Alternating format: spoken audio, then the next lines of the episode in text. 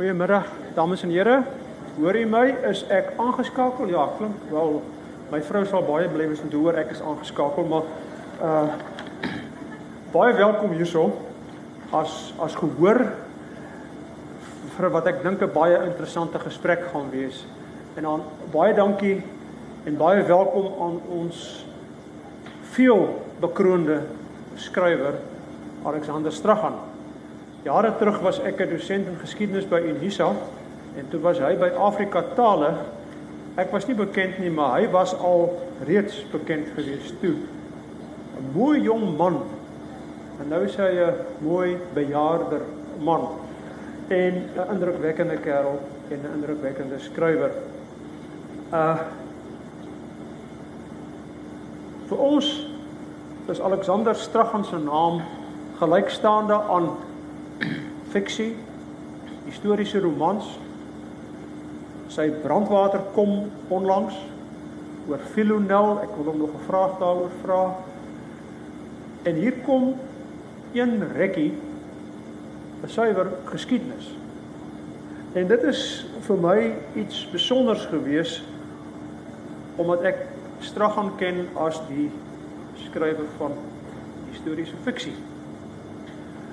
Alexander nou 30 jaar na die Bosoorlog, die Angolese Bosoorlog, wat jy dit ook al wil noem. Nou begin die skrywers loskom, hulle penne raak los, vingers raak los. Die Anglo-Boereoorlog het dieselfde ervaring gehad. 30 jaar na die Anglo-Boereoorlog was daar 'n ontploffing van werke oor die Anglo-Boereoorlog. Is daar 'n vergelyking in die verskynsel of waarom hoe verklaar jy dit? Daar is beslis 'n vergelyking in die verskynsel. Die redes mag dalk anders wees. Die boere Anglo-Boere oorlog waaroor ek nou geweldig baie gelees het en intens bestudeer het vir my uh, vorige roman Brandwater kom oor die boere verraaier Philonel. Uh daardie oorlog was nooit in die geheim gevoer nie. Ehm um, So ek weet nie presies hoekom die mense so lank gevat het voor hulle op groot skaal oor daai oorlog begin skryf het nie. In geval van die grensoorlog of die bosoorlog, ek spel dit gereeld tot irritasie van baie uh literatore albei met 'n hoofletter. Soos ek skryf bosoorlog dan skryf ek hom met 'n hoofletter B of as ek skryf grensoorlog dan skryf ek hom met 'n hoofletter G. Daardie oorlog was meer in die geheim gevoer as wat die Anglo-Boereoorlog was. En daar was soort van 'n kode tussen die mense gewees dat jy praat nie uit oor die grensoorlog nie. En daai kode het vir baie baie baie jare geduur. En toe ewe skielik kon al hierdie stemme wat daardie oorlog meegemaak het kon hulle nie meer stil bly daaroor nie en toe daar so 'n klomp publikasies vergelyk te gelyk verskyn onder andere van Louis Botma oor 32 bataljon sy buffelstruikel en dit was juis in daardie tyd wat die bevelvoerders van een rekkie uh Jake Swart en Andre Besbeer my ingeroep het na 'n vergadering toe en gesê hoor hierso jy moet hierdie ding nou vir ons boekstaaf. Jy moet die stigterslede gaan soek Jy moet vir oom Trevor Floyd gaan soek wat nou in die gehoor sit hierso. Jy moet Jan Breitenberg gaan besoek. Jy moet die hele lot besoek. Malcolm Kingon, al die ou stigterslede nou. En dit is redelik haastig. En hierdie werk was dan inderwaarheid 'n opdragwerk gewees.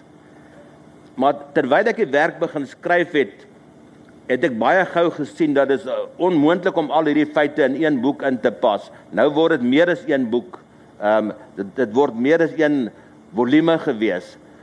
Maar ja, daar's e, ewe skielik is daar wil almal wat iets te sê het oor die oorlog dit sê en ek dink dit het ook met die ouderdom te maak. Dit is die laaste kans wat die ouens kry om hulle sê te sê. Ja. Weet jy, ek gaan aan die einde kom by die woordjie trauma, maar ek wil ook nou sê by die Anglo-Boereoorlog was dit so gewees dat die mense so getraumatiseer is hmm. en daar was behalwe die aanvanklike klomp herinneringe van generaal soos De Wet en dan burgers soos uh Philip Pinaar en so wat gepubliseer is in Nederlands en in Duits, Engels was daar vir 'n lang tyd nie werke oor die Anglo-Boereoorlog nie. Hulle was amper te stom geslag. En hulle is ook geïnhibeer deur die feit dat hulle Afrikaans praat maar hulle kan nie Nederlands skryf nie en hulle kon nog nie mooi Afrikaans skryf nie. So daar's verklaringe daarvoor, maar hier is vir my ook iets by daardie magiese van dis nou tyd ons wil nou uitpraat. En ek is baie dankbaar daaroor dat jy hierdie werk geskryf het. Uh die wat ek saam met wil vra is die die subtitel is die nag behoort aan ons. Hmm. En, en en jy sê iets daarom waarom hierdie subtitel. Kan jy bietjie daaroor uitbrei? Ek het as subtitel gekies dat die nag behoort aan ons vir verskeie redes. In die onderhoude wat ek met baie mense van spesiale magte gevoer het en dan ook 'n bietjie uit eie ervaring die rekkies het net beweeg in die nag. Die die rekkie spanne was te klein geweest. Dit was 4 man spanne en dalk as dit 'n groot span was, 'n 8 man span.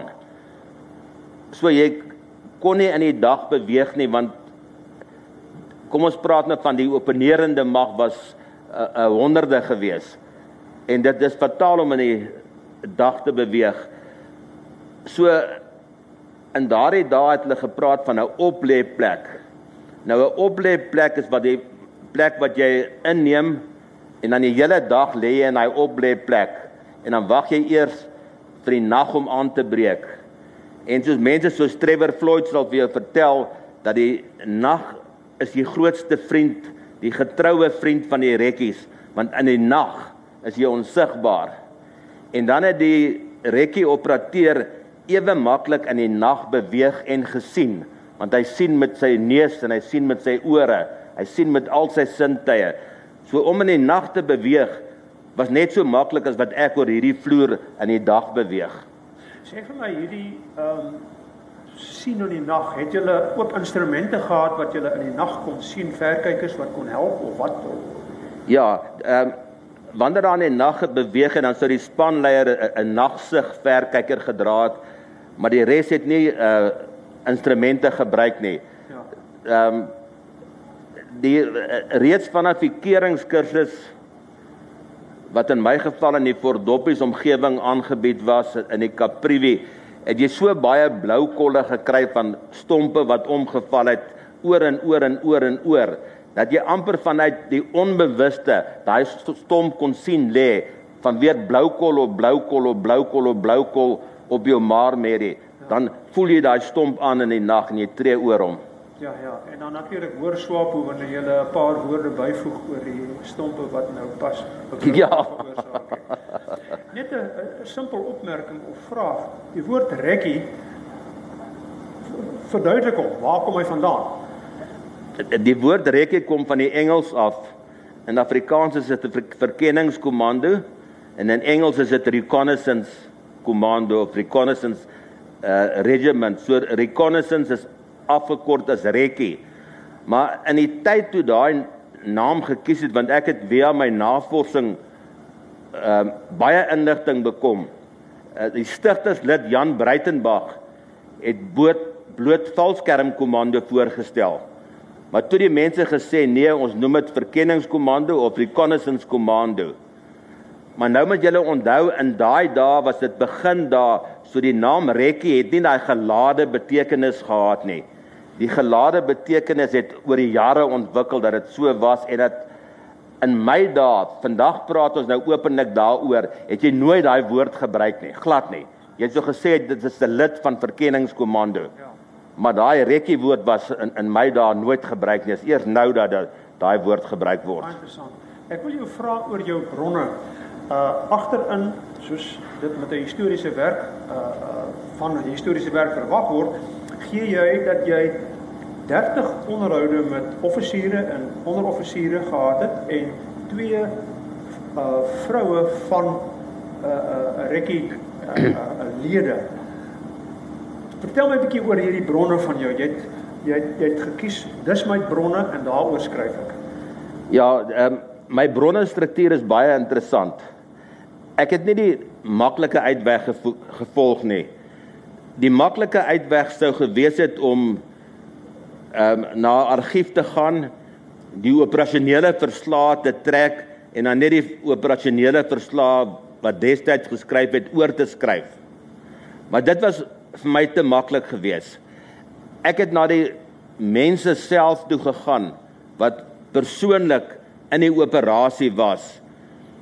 En nou kan 'n mens dink dat hulle geheue verdof het, maar die meeste van hulle het aantekeninge gemaak tydens 'n operasie, as dit 'n 8 weke operasie was, was daar aantekeninge gemaak die, en die spanleiers het oral en gedurig aantekeninge gemaak. Daar was selfs so 'n boekie gewees, ek dink hy was van varkvel of varkleer. Jy kan in die reën op hom skryf op op deur 'n rivier met hom gaan die uh, letters blus nie uit nie. So wanneer ek met baie van die spanleiers ehm um, 'n onderhoud gevoer het, het hulle gesê, "Hoorie, wag net 'n bietjie, ek gaan net gou 'n bietjie deur my notes om te kyk wat ek destyds geskryf het." So ek glo my bronne is baie akkuraat. Want nadat ek met een spesifieke persoon 'n onderhoud gehou het, dan het ek nog 5 persone wat aan dieselfde operasie was betrek en gesê hier's die inligting stem julle saam dat dit so is en in persoonlike gesprek het ek al met vir jou genoem dat kom ons sit nou almal hier by Bronberg by Flip Mark se plek om hierdie tafel en nou gaan ons hierdie ding uitstryk. Het ons links van die muursloop verbygestap of het ons regs van die muursloop uitgestap? En dan het daar gekookus en gestry en die een sê regs en die ander een sê links en dan by wyse van konsensus dan sê die hele groep nee nou sien ons die prentjie helder en uit my notas en so aan blyk dit ons het links van die muur so verbygestap. En eers dan Frans Johan het ek dit as 'n feit ervaar. Aanvaar. Ja ja. Ek eh, iets van die mense wat sal onthou dat professor Piet van der Merwe hier op Stellenbosch het baie gewerk oor die groot trek en van die van die vrae wat hy gevra het is het die het die voetdruk is nou links van hierdie koppie of regs van hierdie kop is dit nie waar die Johan Johan de Villiers professor Johan Villiers daai soort ding het 'n ou maar wanneer jy die as historikus skryf oor 'n ding rekonstrueer die verlede is nie so 'n maklike ding nie. Mm. Uh Mag ek nou nou vra die is daar nie 'n subjektiwiteit wat kan insluit by so 'n gesprek nie. 'n Ou probeer homself verontskuldig en nou nou plaas hy die blame op 'n gebeurtenis op 'n ander ou of op op op 'n ander situasie. Hy probeer homself vergoedelik eintlik. Het jy daai tipe ding ervaar met hierdie gesprekke? Daar was 'n bietjie van 'n subjektiwiteit gewees in in die sin is die persoon wat nooit van homself 'n held gemaak het nie. Hy het altyd die ou langs aan gesê dit was die ou wat wat wat dit en dit en dit gedoen het. Dis wonderlik want dit is anders as in die Anglo-Boereoorlog hoor. O nee, hier hier was dit so so geweet dat die ou wat dit gedoen het sal sê wat ons gepraat het van dit was eintlik my buddy gewees wat eh, die leiding daar en daar en daar in in daar geneem het ja. deur nie die fokus op homself te plaas nie. Ja. Maar ehm um, ek ek kon tog by wyse van deur na al hierdie goed gekyk het uh, Frans Johan, dink ek ek het so na aan die waarheid gekom met hierdie uh, hierdie boek nê dat 'n tweede persoon sal nie eintlik nader aan die waarheid kom nie want die vangnet is so gespan en die klein visse het almal deurgeval en net die grootes het agtergebly. Ehm um, so ek dink hierdie bron sal vir baie lank staan en aan die einde het ek vyf senior mense gevra om die hele dokument in totaliteit deur te lees en dan die stempel van goedkeuring op die gebeure te sit. So wat my betref is dit so naas kom aan die waarheid. Goed. Die historikus sou sou die vraag vra, uh jy verwerp as dit ware die weermag dokumente uh en jy sê jou jou onderhoude was was vir jou aanvaarbaar genoeg geweest. Jy wou nie in in gesprek tree met die dokumente wat sê hulle is links om hierdie om hierdie muurshoop of die aanval was met Kaspers gewees hmm. of met 30 Kaspers in plaas van 25 wat die onderhoud sê nie. Ja. Ja. Kan ek daarop reageer? Asseblief. Ja.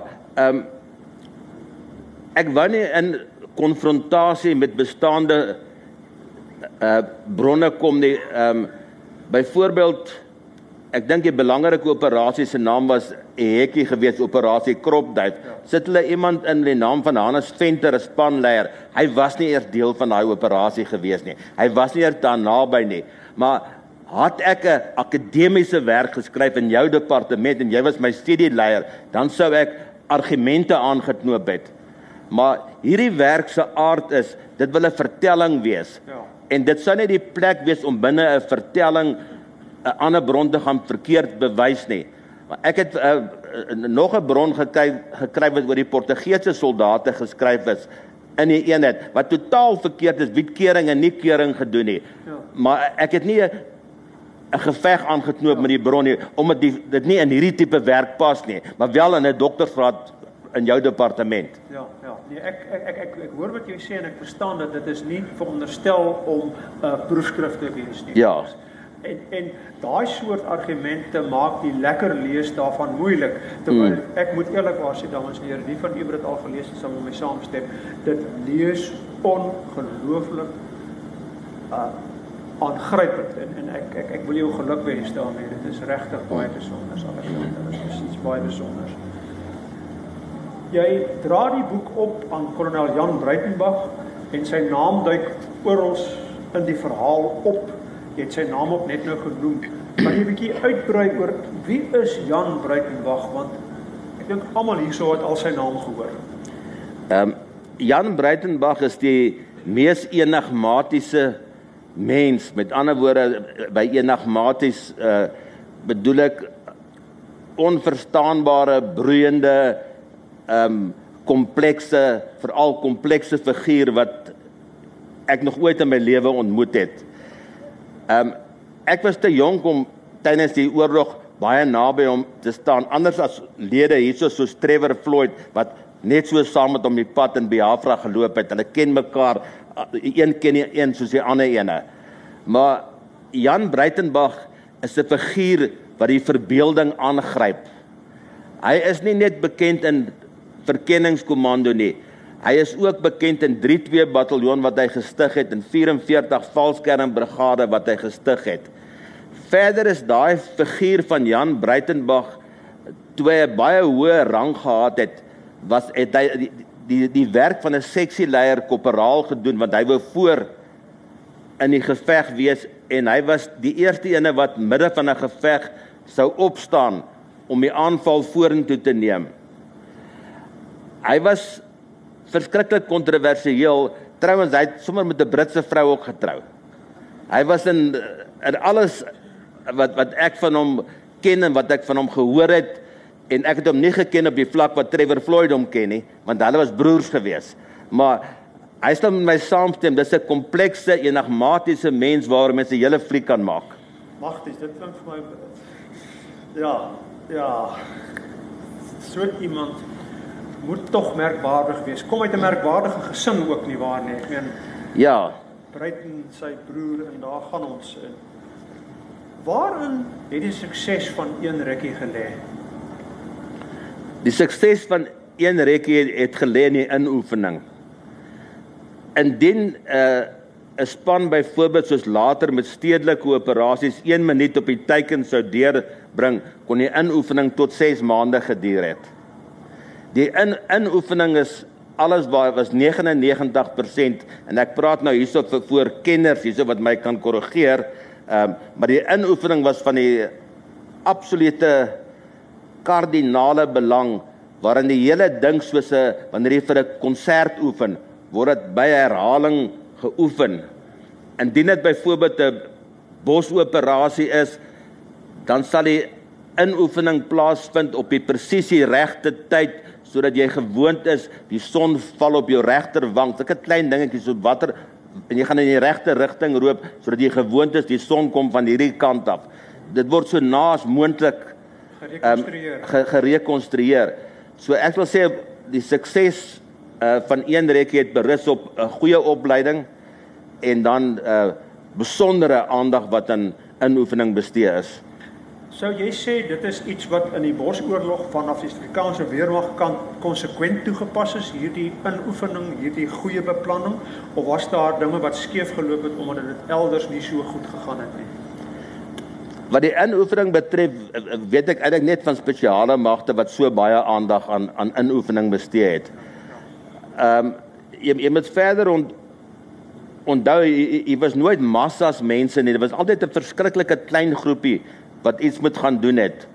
Tot net 4 man of of so. So hulle moes daai ding so ingeoefen het en hulle kon op geen buitehulp staat maak indien hulle in die moeilikheid gekom het nie. Nou goed, vier man gaan nou iets doen.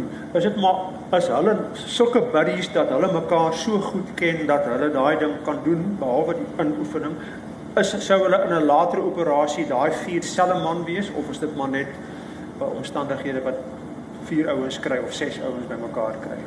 Nee, die die die, die spanne sou nie konstant bly nie. Ehm um, dit dit dit afhang van die, die tipe operasie watter vaardighede die operasie geëis het, vereis het.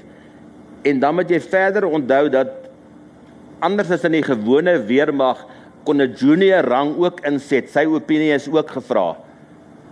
Hy kon ook sê maar as dit 'n stedelike operasie was, sal dit nie beter wees as die vensters hierdie kant toe oopmaak of jy het vergeet dat die vensters hierdie kant toe oopmaak. Ehm um, Ja, die uh die die spanne het gewissel na na gelang van wie benodig word. Ja, ek sien. Sê vir my behalwe dat die dat die nag 'n belangrike rol vir julle gespeel het, het die bos ook 'n belangrike rol gespeel in een rukkie se operasies en bedrywighede. Kan jy 'n bietjie daaroor uitbrei? Ja, ehm um, wanneer 'n persoon die, vir die eerste keer aan die bos voorgestel word, dan ervaar daai persoon die bos is vyandig. Jy ervaar die bos met met sy eh, plante groei waar jy kwale kan loop en dit is te begroeid en daar's dorings en daar's hak en steek en ehm um, daar's nie water nie en daar's wilde diere en daar's slange op jou pad en daar's leeu's en daar's seekoeie en daar's krokodille en daar's riviere wat oorgesteek moet word. Aan die begin is is die bos vyandig. Jy sien dit as jou vyand dan so met die tyd dan begin jou ingesteldheid teenoor die bos verander. En die bos word al hoe vriendeliker want jy pas by die bos aan. En die bos word in 'n manier soos 'n moederfiguur vir jou. Daar onder die kremataartboom kan jy baie maniere oorleef en al hierdie goed wat jy gedink het is is jou vyand word jou bondgenote. Hierdie droë takke en goed wat wat jou so geïrriteer het, dis jou vroeë waarskuwing. Ehm um, die bosse se die die Afrika bosse jy sien later die spinnerakke vanuit jou onderbewussyn raak. Jy weet waar die spinnerakke is. So die rol van die bos verander vanaf vyandig na 'n moederfiguur. Dis baie baie baie Ek gaan die stoute skoene aantrek en vir jou vra om 'n stukkie voor te lees hierso. Ek hoop jy is bereid om dit te doen.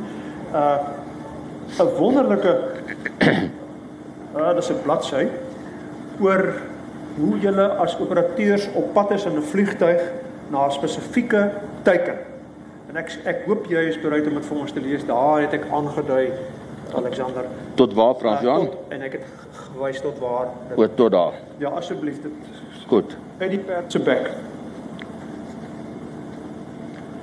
Vir 'n tipiese aanval uit die lug word die rekkies in gekamoufleerde C130 C160 vliegtyg na die teikenarea geneem.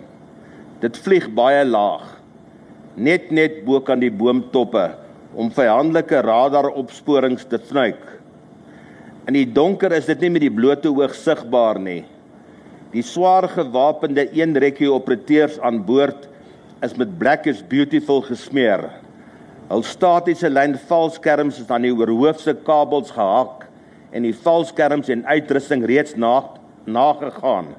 Net enkele rooi ligte brand in die vliegtuig. Eers baie na aan die teiken sal dit na springhoofde van sowat 183 meter bo grondvlak opwip. Wanneer die afsteeders die springdeure oopmaak, vul die wind onmiddellik die romp met 'n groot lawaai en ruk aan hul klere en uitrusting. Dan wip die vliegtyg op na springhoogte. Die skielike opwaartse krag druk die springers af vloer toe totdat die vliegtyg op 'n nuwe hoogte stabiliseer. Die rooi lig bo kan die oop deur gaan aan en die afsteeders roep staan in die deur. Sodra die groen lig aangaan, spring die rekkies die een na die ander uit. Hul valskerms ontplooi en met eens hang hulle in absolute stilte. In die beskikbare maanlig sien hulle die ander valskerms en die vliegtyg wat wegvlieg. Die laaste springhoogte maak dat die aarde baie vinnig nader kom. Dan land hulle die een na die ander op die ongemerkte afgooi strook. Hier en daar kraak takke van die takke soos die springer deur die bome val. Heel eerste word die vuurwapens losgemaak en gespan. Nou is dit heeltemal stil en die groep is reg vir aksie. Die aanvalsmag lê 'n kort rukkie roerloos en luister of daar vyandelike beweging is. Dan word die valskerms vinnig opgerol en beweeg hulle na 'n vooraf gekose bymekaar kom punt waar die valskerms gewoonlik eers vernietig en dan versteek word. Dan beweeg hulle steeds onder die dekking van die nag na die teiken. Nadat die nagaanval uitgevoer is, beweeg die span na 'n oppikpunt waar hulle indien nodig voor eerste lig deur 'n helikopter uitgelig sal word. Hoe langer hulle op die grond bly, hoe hoër word die risiko. Anders en Here, kan jy sien waarom ek dink dis 'n fantastiese werk hierdie. Ek wil dadelik sê en ek gaan dit aan die einde weer sê, net hier buite is die boek is is die boek verkope. U moet hierdie werk aanskaf en Alexander sal daar wees om dit vir u te teken om die werk waardevoller te maak. Baie dankie. Dit is dis aangrypend hoor. Ek ek dink dit is fantasties. Julle het ook stedelike operasies uitgevoer. Wat was die doel daarvan? Wat was die ervaring daarvan? Ja, stedelike operasies wat was 'n uh, 'n uh, uh, bietjie na my tyd in volle swang gewees. Dit was om uh, dokumentasie bymekaar te maak, inligting in te win en dan is die teiken uh, gewoonlik na afloop van die operasie vernietig en die dokumente is dan saamgevat en ander relevante inligting om verder ontleed te word. En dis dit gaan dus nie om om om persone te teiken nie, maar dit gaan om inligting. Herhaal die sin? Uh die die stedelike operasie is dit om inligting te kry of ook om persone te elimineer. Ehm um, die twee gaan hand aan hand maar maar die die hoofdoel sal wees om om om inligting te gaan haal en dan maar hulle loop hand aan hand. Ja, ja, ja. Jou hoofstuk 4 het 'n klompie pragtige verhale, anekdotes as jy dit wil noem oor die opleiding en die vroeë operasies. Ook oor daai storie van klein Koos. Wil jy 'n bietjie oor die opleiding vir uh, vir ons vertel want dit is dit is fascinerend. Hoe jy opgelei is.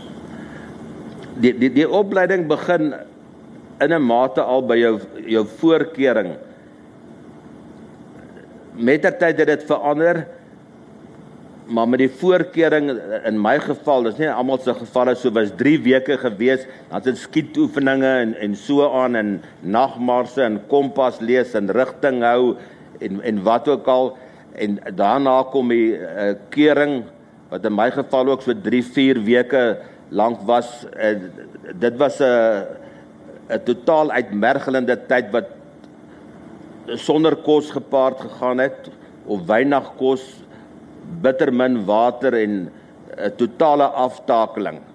Maar nadat jy so afgetakel was en dis maar 10% maksimum het dit gesaag, dink ek gemiddeld is 7% van 'n groep sal 'n uh, kering maak, 6% van die groep sal kering maak. Uh die kering breek die die kandidaat geweldig af, maar onmiddellik na die kering is die senior lede daar om jou weer op te bou. En dan gaan jy deur 'n hele reeks kursusse van uh, demolisies af en die wat nie spring gekwalifiseer is, die moet gaan statiese lyn valskerm spring doen uh, uh gewoonlik in Bloemfontein en een na die ander kursus van uh, vliegtye herkenning tot en met jou uh, wat hulle noem kleinere taktiek kursus wat 'n baie harde kursus is en waar jy ehm um, wat gewoonlik afgestel word met 'n klein operasie. En ehm um, Ja, en en daarna kom na die spesialistkursusse. Hierdie klein koos storie, kan jy dit onthou? Kan jy daarvan vertel? Van van die Rob? Ja. Ja, dit was in die baie vroeë dae in in Oudtshoorn gewees. Ehm um, die die vroeë rekkies was baie stout geweest. Dit is nou soos om Trevor Floyd, om Koos Moorcroft en John Moore en uh Dewald de Beer, daai hele lot. Hulle het uh, verskillende stoute stokperdjies gehad. Dewald de Beer het byvoorbeeld slange aangehou. Dit was sy troeteldiere, 37 of 31 spesies slange in 'n hok. En dan as hulle vir hom sê hy moet ontslaa raak van sy slange, dan sê hy nee, dit is slange het 'n baie groot doel. Wanneer hy kursusse aanbied in boskuns en so aan gebruik hy die slange sodat hulle kan slangidentifikasie doen. Weet dan kan hy hulle dit nie doen nie. En toe hulle op 'n keer besig met duik gewees saam met Jan Breitenberg. En daar's 'n klomp ouens besig om robbe uit te dun. Daai jare kon jy nog robbe uitdun. En hulle nette sit vas en Jan Breitenberg sê twee van die ouens kan gaan en die ouens help en hulle vra toe gee ons 'n klein rob persent. Kom hulle met hierdie klein rob by Jan Breitenberg aan. Hy's die hel en omdat hulle 2 ure laag is, hy spoeg net 4 sulke lang kole vuur wat hy uitspoeg. Toe die klein Rob sien verander sy hele by. Sien ag dit nou 'n pragtige ou dingetjie hierdie nê. Wat jy vir ons gebring het. Kan nie glo. Jy het 'n bietjie intelligensie ook nie. Ek weet nou. Hulle verstom my nou regdag. Julle ondernemingsgees om so mooi dier diertjie daar te stel nie meer kwaad nie. Toe hulle Rob in 'n nat gooiingsak gehad. En toe die oudswoorde in basis toe gaan, toe weet hulle nie wat met Rob te doen. Hy word vernoem na Koos Moorcroft toe en sy naam is Klein Koos en daar's blykbaar 'n visdammetjie gewees by Oudtshoorn basis. En hulle sê hulle sit die Rob uh binne die visdammetjie. Toe hulle die volgende oggend wakker word, is daai hele basis in rep en roer. Daar's nie 'n lewendige eend oor nie, daar's nie 'n lewendige vis oor nie. Daar's daai Rob het alles deur die nag gevang. En die RSM soek hierdie ouens wat hierdie rob ingebring het. En die uh een van die troepe is in die moeilikheid. Hy het middernag van pas af gekom en toe hy uh by die wagkamer inkom, sê vir die sergeant of die korporaal wat aan diens is, hoor jy ek wil net sê nou pas 'n 'n lewendige rob by my verbygestap en hy word te verdronk dronkenskap gearresteer deur die korporaal of die sergeant onmiddellik uh, gevang vir dronkenskap en die ehm um, rekkies begin nou hierdie rob soek. Jong hulle ry op en af in Oudtshoorn se strate met 'n uh, Land Rover en dit maar klein koes is heeltemal weg. Kan nie hulle kan glad nie kry nie. Glad nie hierdie rob kry nie. Toe verskyn die Oudtshoorn Herald wat die koerant is sê uh, huisvrou vind rob Toe die Rob uh, by 'n huisvrou se melkbottels gaan wegkry, met sy die oggend aan melk wil gaan haal, kry sy die Rob en die DBV die Rob kom vang en Heraldsbaai toe teruggevat waar klein Kosie rekkies toe op klandestiene wyse uh ontglip het en ehm um, hy toe sê toe in die storie het gaan lê. Ja ja toe. Ja ja. Soos hy aan die ou Zimbabwe se tydperk was daar 'n foto van Robert Mugabe aan die voorkant Rob Mugabe by agterkant before he robs you, né? Ehm twee rekkie was 'n burgermag eenheid en dis waar jy betrokke was. Wat ja. was julle taak geweest? Um, twee rekkie ehm um, het, het het het het met een rekkie sowel as saam met vyf rekkie ontplooi. En ons is gewoonlik uh opgeroep wanneer daar 'n te min operateurs was. En soos met die rodisiese fase is, is fase is ons in totaliteit is die hele eenheid opgeroep. Ook met operasie Savanna is die eenheid in in totaliteit opgeroep. En dan het ons maar ons het selde onafhanklik geopereer. Ons het geïntegreer en ehm um, die meeste van my vriende was eintlik by een rekkie gewees. So dan ons in die spanne maar net ingedeel. Daar was baie rekkie, daar was ook 5 rekkie en 4 rekkie die duikers gewees. Daar was verskillendes gewees, maar een rekkie het van almal verskil in die sin dat jy die moedereenheid was. So wanneer jy daai tyd in die eenheid wou gekom het, was daar geen ander pad as deur een rekkie nie. Jy het by een rekkie aangemeld vir jou voorkering en jou kering gedoen by een rekkie. En dan ehm um, ja, ons het maar geassimileer met die ander operateurs en vriende en jy uh was een groot huis huisgesin gewees tussen die verskillende rekke eenhede was die getalle so klein is onder 100 man as, as jy almal saamtel was nie eers 100 nie. Ja. So 67 man jy almal al vyf eenhede saamgestel. So wat het soos by 'n universiteit die verskillende manskoshuise soos 'n vyandskap met mekaar leef wat rugby leef nie. Ons het almal so onder een dak gebly. Ja. Ek ek wil terugkom na toe jy nou uiteindelik jou wel, jou kursus slaag. Jy sê dit was die grootste oomblik van jou lewe gewees. Ja, ek dink ehm uh, vir enige uh persoon wat die kering gedoen het is, is die kering het in my dae op totale onsekerheid berus. Met ander woorde, niemand het ooit geweet wanneer maak hierdie kering klaar nie, hoe lank gaan dit duur nie. Dit was alles on, onseker geweest. En dan is die meeste kering is daai tye afgesluit met 'n onmoontlike opdrag om te kyk wie gaan nog ehm um, uitval. In my geval was dit iets soos 'n verdere 45 kg met addisionele uitrusting en dis omtrent onmoontlik. Maar dan nou begin die instrukteurs al hoe meer vir jou voorstelle maak. Wil jy nie eerder van die kursus afklim nie? Dan kan jy sommer vanaand hulle koue bier gaan drink daar in die basis. Koeldrank drink, lekker trek uit daai boots, gooi af daai kit, jy kan afklim. Jy word heeltyd nou uitgelok om af te klim. Jy uitnodiging is nou oop. So oop uitnodiging. Jy wil net uit te tree, dan is dit klaar. Dan kan jy skare weer gaan sit. En dan ehm um, maar jy weet dit nie, dit beteken dat die kering nou baie na aan die einde is, maar jy weet nie. In my spesifieke geval was Henny Blou die ehm um, sien hom môre instrukteur en Flip Marks was die uh, hulpinstrukteur gewees. Hulle toe ehm um, vir ons uh, uh, gesê hier's 'n uh, uh, trog water. En of jy moet hierdie trog nou hier leeg drink of jy moet al hierdie water saamdra. Maar jy moet nou besluit en in aangaan. En toe's daai trog heeltyd met bier gevul.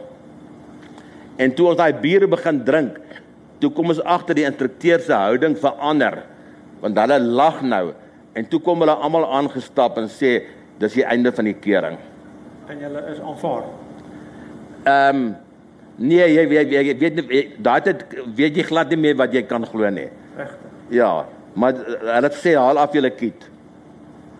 En dan mettertyd dring dit deur, dit is nou klaar. Want dit kan net so omdraai en sê nee, dit lekker gevang is nie klaar nie.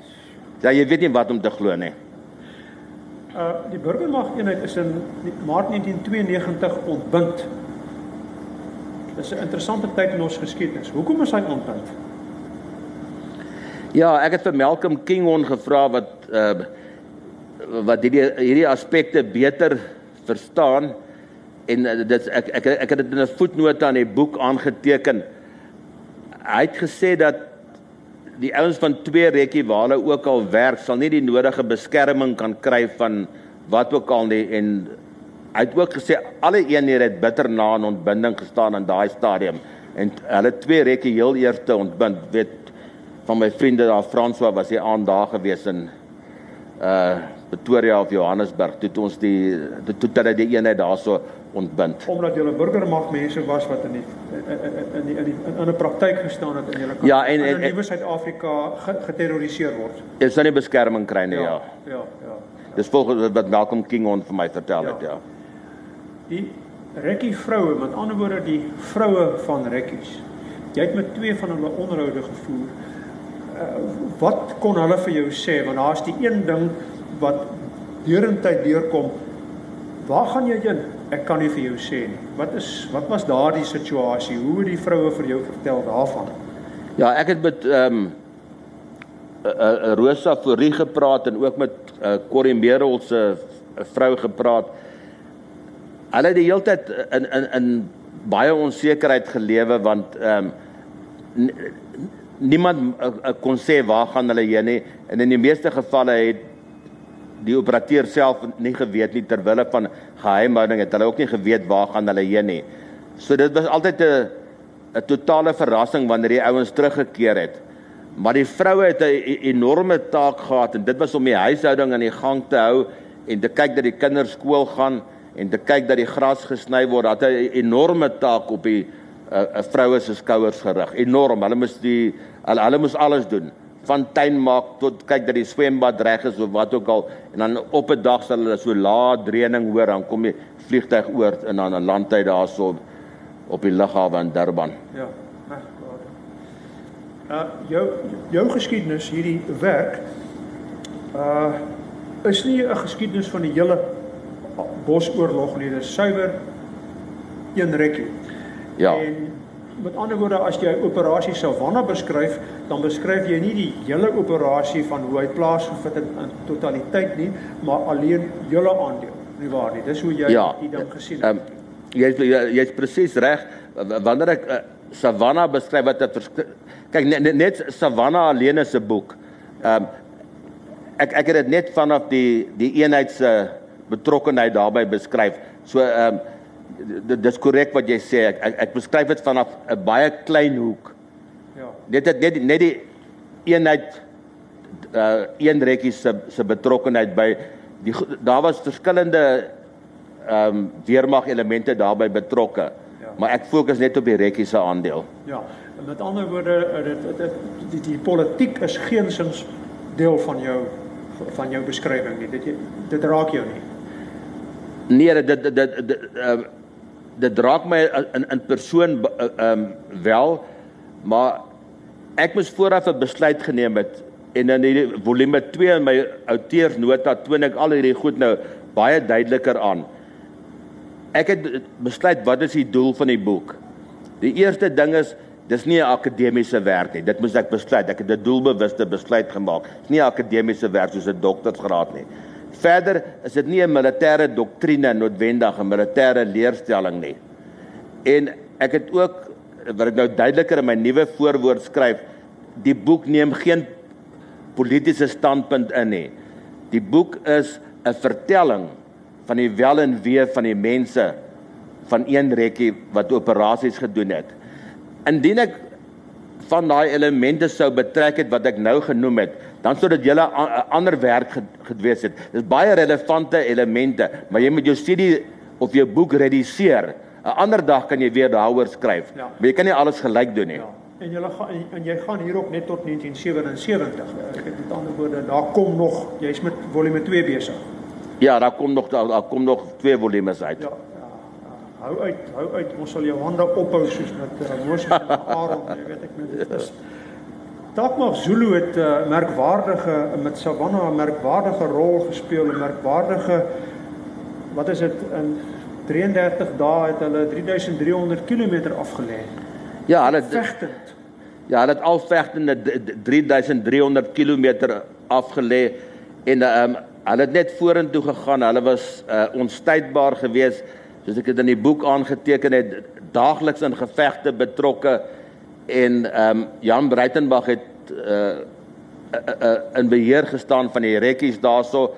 Uh, hy was Bravo groep as ek onthou Lindford was 'n uh, Alpha groep gewees. So ek het eintlik net oor Bravo groep geskryf. Ja. Maar daar was genoeg materiaal. Maar nou moet jy verder onthou, ek het net een hoofstuk gehad vir Savanna, anders sal die sal die hele trilogie nooit klaar kry nie. Ja, ja, nee, dis so wapentuig en en en en uh voertuie waarvan het julle gebruik gemaak? Daar was 'n 'n 'n 'n verskeidenheid uh wat persoonlike wapentuig betref het die meeste mense die AK47 gedra. Ek het die AK33 baie van gehou wat 'n ligter geweertjie was. Ehm um, En dan het ons masjiengewere gehad, maar ons het oosblok gebruik. Ons het nie ons het RPD's en RPG's gebruik. Nie noodwendig LMG's gebruik in in daai klas van wapens nie. En, ons het vreemde wapens gebruik. En en voertuie of het julle maar beweeg te voet? Nou, ek is as, as Savanna was was van voertuie af, maar die algemene reël was om per lig te ontplooi en dan te loop met die voet. Ja. Daar's een geveg die uh naby Loengwe. Noem jy die offisier wat verantwoordelik was vir die dood van van Klein Ribeiro, noem jy sy naam nie. Nou dit het ook aan die Anglo-Boereoorlog uh, uh, geskiedskrywing gebeur wanneer hy ou vertel, nie hulle geskiedskrywing nie, maar wanneer ouens hulle herinneringe vertel. En dit is 'n geweldige frustrasie vir 'n vir 'n leser 100 jaar later Uh jy het doelbewus die naam weggelaat. Ja, ek het die naam doelbewus uh, uh, weggelaat. Ek het by die uh daar was so 'n klein komitee toe ons hierdie boek geskryf het en ons het besluit ons gaan nou nie mense verneder of wat ook al nie en hierdie uh um ou herinner aan aan my Filonel karakter in in die Anglo-Boereoorlog daai tye het hulle bloot na hom verwys as X. Ja. Hulle het nooit sy naam genoem nie. So ek het nie name genoem waar dit waar ek gedink het ag hy trap op toe nou of wat ook al, dan het ek dit uitgelos. As daar 'n ou van die Valskerm bataljon is waar ouens nie regtig mee kon klaarkom nie, ek het nie by die naam genoem nie. Ja. Posttraumatiese stres. Jy weet kom terug na die Anglo-Boereoorlog. Daai mense het nie die woord geken nie al het hy al 2500 jaar bestaan. Uh trauma. Het het die rekkies so iets beleef? Beleef hulle dit vandag nog? of is dit individueel? Hoe hoe werk posttraumatiese stres in julle?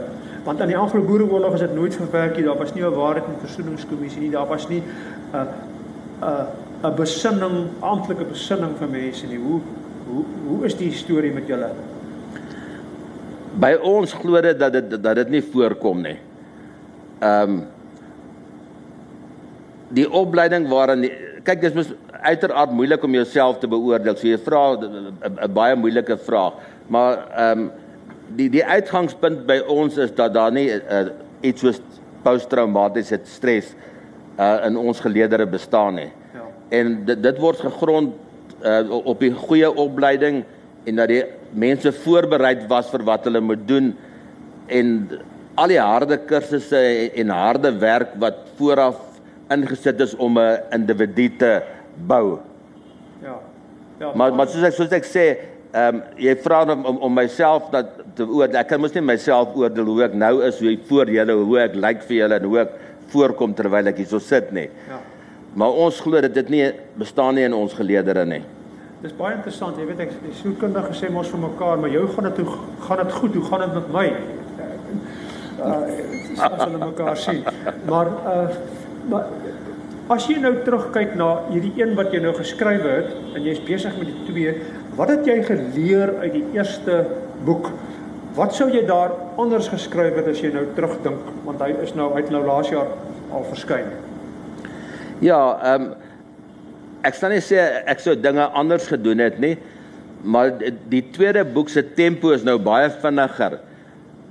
Maar in in boek 1 moes ek bepaalde fondamente lê. Ek moes vertel hoe die eenheid ontstaan het want sonder daai fondamente dan beteken boek 2 uh absoluut niks nie.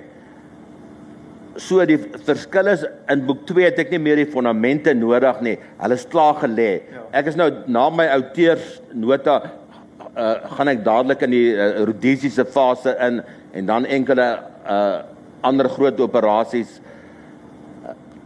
En wat ek anders sou gedoen het ek kon nie eintlik boek 1 anders te geskryf het nie. Ja. Ek het daai amper jy sê histories, ek het daai historiese grondslag nodig gehad om te wys waar kom dit vandaan? 1972 die stigting.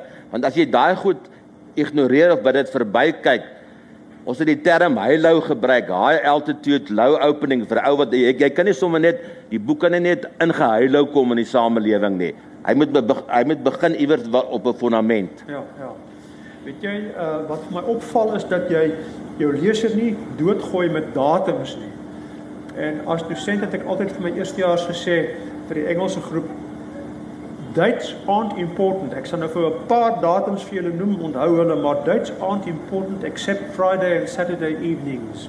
That is very important. So, daai dates moet jy nie vergeet nie, maar uh ek ek wil ek wil tog vir jou sê hierdie is 'n werk wat my gefassineer het omdat dit so anders is as wat ons ouers wat geskool is in die geskiedenis skryf en dit het lees wonderlik. Ek wil die stoute skoene aantrek. Ek ken nie vir Trevor Floyd nie, maar ek wil graag dat die mikrofoon na hom toe gaan. Trevor, as jy bereid om iets oor Jan Breitenberg te sê, iets oor hierdie man te sê of iets oor een rekkie, waar is jy? Ek uh Trevor? Daar's dit. Ek daar kom 'n mikrofoon. Ek is ek, ek hoop regtig jy wil iets vir ons sê. Ehm um, okay. Uh een ding wat ek wil sê is is uh die navorsing wat Sander ingesit het is ongelooflik. Ehm um, hy het nie uh draaie ge, ge, ge, of hy draaie geloop om by almal te probeer uitkom wat 'n rol gespeel het in die uh boekasot of in die uh, geskiedenis van 1VK. Ehm um, praat van 1VK, 1VK wat rekkie. Ehm um, ek het vir baie jare daar gedien. Ehm um, en ek moet sê die die mense wat ons daar gehad het en opgelei het soos een my uh, altyd hom genoem ou boet my eendag gevra maar wat soek julle? Toe sê ek ons soek goeie Suid-Afrikaanse seuns. En daarmee kan ons enige oorlog beklei en in enige land beklei en beter as enige ander land kan doen. En dit is wat ons gekry het ehm um, uit mense so Zander en die res van die spesmagte lede. Vra van Jan Breit. Ehm um, ja, dankie. Kan ek kan jy asseblief net iets uitwy oor Jan Breitenberg? Ja, ehm um, om Jan ken ek nou baie donkie jare. Ehm um, hy was saam met ons saam gewees by een Valskermberlion. Ehm um, in 1969 is hy het hy ons eintlik kom werf. Ehm um, hy het na my toe gekom en gevra of ek nie saam wil gaan nie uh, na Angola toe. Ehm um, ons gaan daarvoor die Portugese help om met hulle oorlog in Angola en uh, 'n bietjie kan uit ons kan doen wat ons altyd vir die ander mense leer om te doen. Ehm um, toe eindig ons nie in Angola nie, ons het geëindig in Biafra Nigeria. Ehm um, die daar ek vir hom Jan nou wragtig leer goed leer ken. Ehm um, hy's 'n ongelooflike mens. Hy's hy, hy's ongelooflik. Sy passie vir sy werk en sy passie vir sy mense daar dit jy jy sien dit nie jy jy sien dit nêrens nie hy's ongelooflik in daai opsig ehm um, hy is wel uh, baie mense uh, weet dit baie mense weet dit nie sy broer is Bruiten Bruitenbach ehm um, baie jare was hulle heeltemal teenoorgestelde teen mekaar ek dink daar alles is nou 100% reg vir hulle maar ehm um, Oom Jan is ek sou sê dis 'n 'n militêre leier wat jy nêrens anders in hierdie wêreld ooit gaan kry nie. Hy was die beste van die beste. Dankie. Dis baie interessant. Daai beste van die beste is selfs so dinge het hulle van generaal De Wet gesê, hoor. Moenie 'n fout maak nie. Mm. Die beste van die beste. Mm. En dit het De Wet van Dalery gesê op Dalery se begrafnis. So dit is hy ja. staan aan die teken van van goeie Dit dit dis altyd 'n moeilike kombinasie daar want jy praat nou van generaals en 'n persoon wat nie 'n generaal was nie. Ja, die, ja natuurlik. Dit is baie interessant, ja. né, nee, dat hy nie generaal ja. Baie dankie Floyd. Ek dink ek dink daar was 'n groot vreugde in om te hoor wat jy daarvan sê. Is daar ander mense wat nog iets dink dat jy uit jou uh, professor Johan de Villiers wat hierso